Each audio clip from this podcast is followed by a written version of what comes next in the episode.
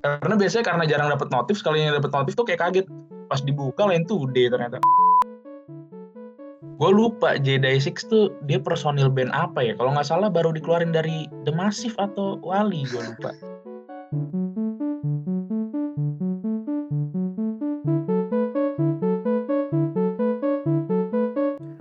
Welcome to BOE Ekonomicast, brought to you by Badan Otonom Ekonomika FEBUI. This is Haikal Kintara. and Erika Tanujaya at your company. Get comfy Grab a snack. and a friend, cause we're about to light up your weekend.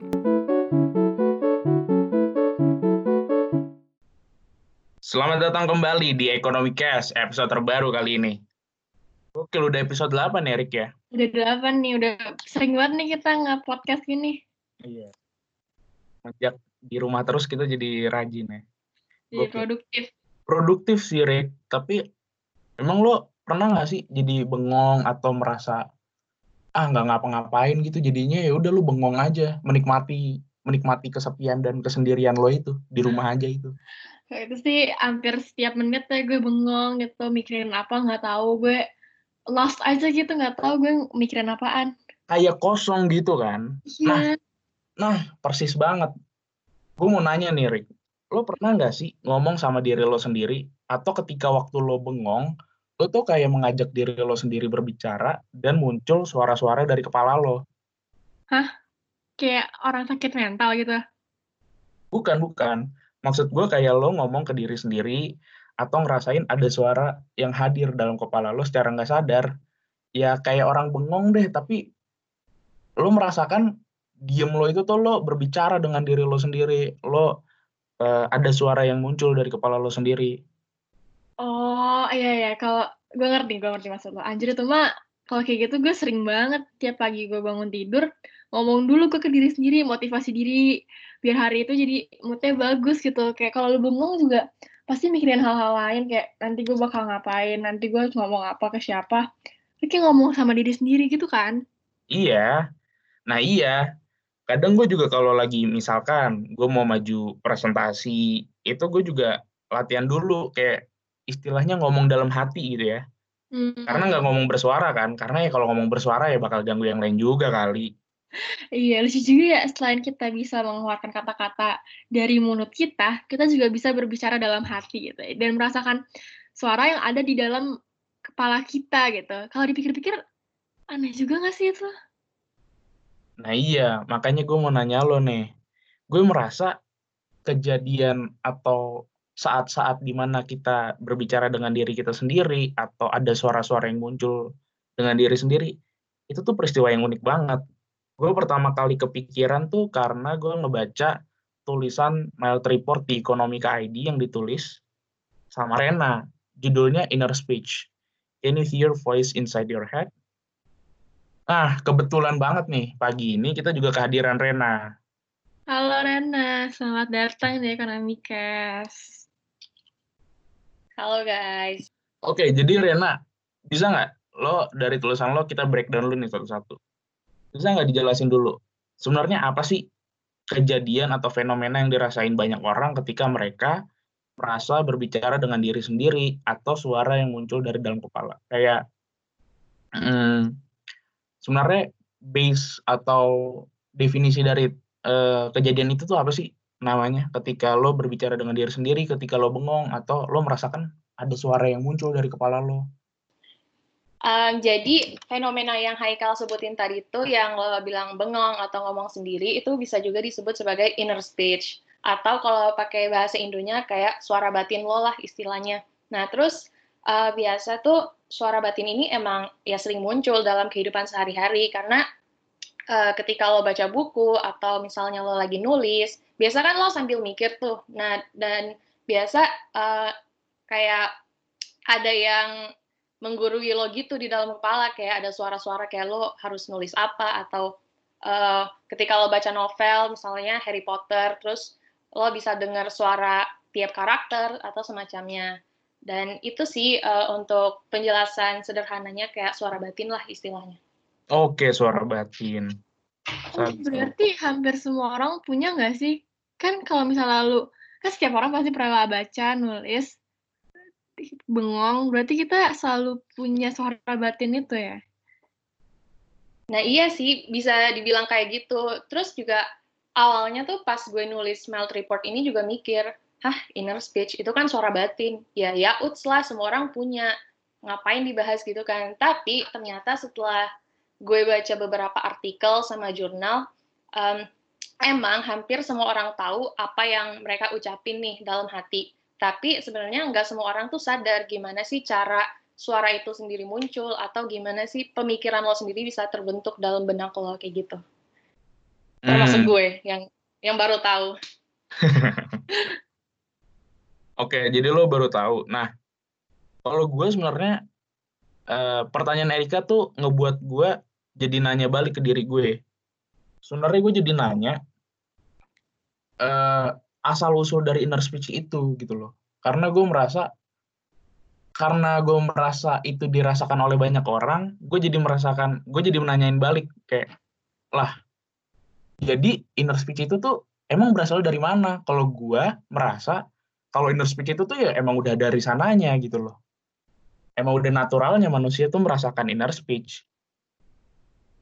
Hmm, iya sih emang apa rasanya tuh emang natural banget kan karena kayak ya udah you grow up with it tapi sebenarnya tuh um, maksud lo yang dari sana itu bisa dijelasin pakai teorinya Lev Vygotsky. Dia itu seorang uh, psikolog juga dari Rusia. Nah, di teorinya si Vygotsky ini dia bilang kalau inner speech emang awalnya tuh dipengaruhi sama interaksi sosial, terutama ketika lo masih anak-anak. Misalnya nih pas waktu kecil, pas balita kan pasti di, um, lo diajarin ngomong sama orang tua kan. Nah, dari situ tuh uh, mereka belajar cara berinteraksi dengan orang tuh seperti apa. Nah, setelah mereka belajar, mereka tuh nanti ngomong sendiri dulu, tapi belum dalam hati. Jadi kayak masih ngomong pakai suara lah. Jadi misalnya lo lagi main nih, terus uh, lagi main apa kayak boneka gitu misalnya kan biasa tuh anak-anak uh, ngomong sendiri kan, bikin dialog hmm, sendiri. Hmm. Nah, uh, terus setelah mereka makin gede ini nanti tuh lama-lama uh, private speech ini yang dari mereka ngomong sendiri tuh nanti jadi inner speech, maksudnya jadi ya udah ngomong dalam hati dan pas uh, uh, mereka ngomong dalam hati itu biasanya jadi lebih singkat dan lebih uh, apa lebih to the point aja intinya nggak sepanjang uh, lo ngomong langsung. Selain teorinya Vygotsky, ada juga teorinya si Bernard Bars uh, si Bars ini tuh dia researcher uh, di bidang consciousness science. Nah, kalau di teori dia tuh dia bilang kalau setiap orang itu emang punya inner speech karena mereka sering ngomong sama diri mereka sendiri uh, dalam kehidupan sehari-hari. Tapi inner speech ini uh, mungkin akan uh, kurang jelas ketika lo dihadapkan sama kata-kata yang baru atau yang jarang lo dengar kayak gitu.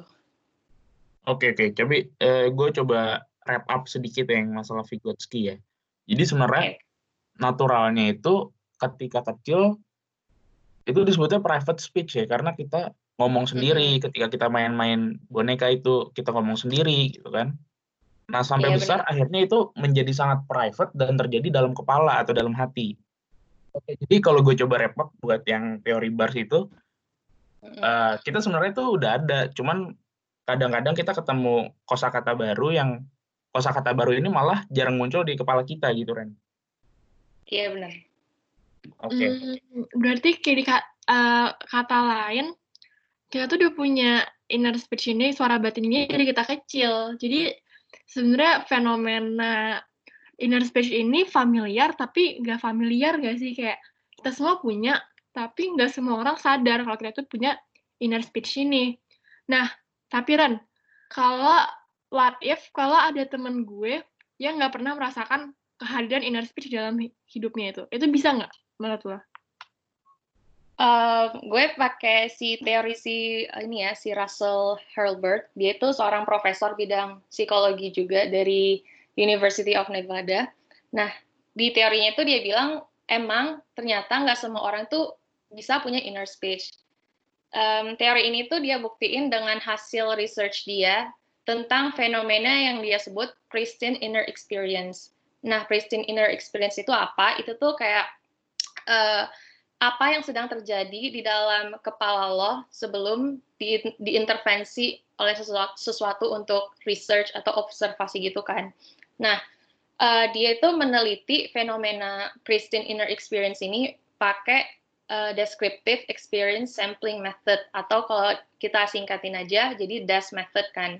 Nah, dengan menggunakan DAS method ini uh, peserta yang diobservasi itu mereka kayak dikasih semacam alat atau device yang nanti yang mereka harus bawa dalam uh, kehidupan sehari-hari uh, kegiatan sehari-hari mereka. Jadi, nah terus uh, terus nanti uh, device ini bakal bunyi kayak bunyi beep gitu kan, uh, secara random. Dan ketika device-nya ini bunyi, pesertanya itu harus uh, kayak stop buat se stop sejenak, terus mereka catat apa sih isi dalam kepala mereka sebelum bunyi itu muncul. Jadi um, misalnya lu jalan nih, terus lu yeah. selalu salah satu peserta yang diobservasi kan, terus yeah. lu iya. jalan nih ke mana kayak ke kampus gitu kan Kal, terus ah.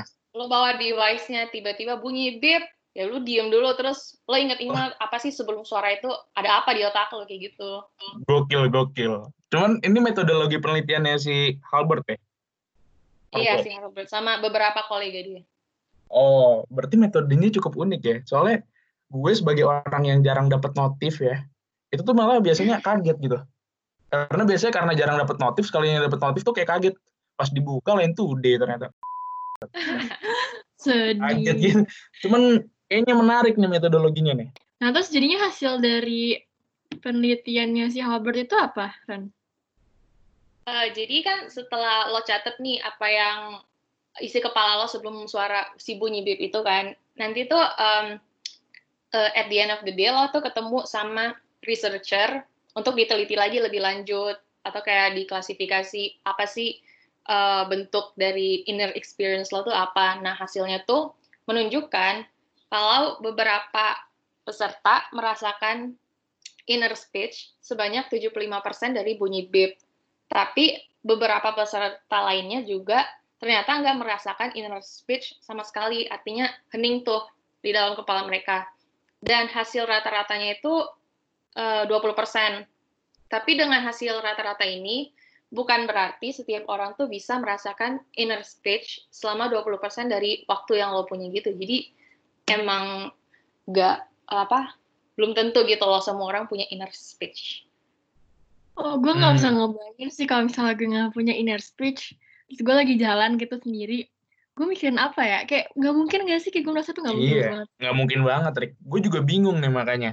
Terus kalau orang yang nggak pernah merasakan inner speech ya, atau hasil dari penelitian itu adalah 20% dari orang yang disurvei itu nggak merasakan inner speech, gimana proses berpikir mereka dalam kepala coba? Soalnya kan gue selalu mikir kalau proses berpikir dalam kepala itu uh, selalu biasanya diinisiasi oleh inner speech atau suara batin kita dalam kepala.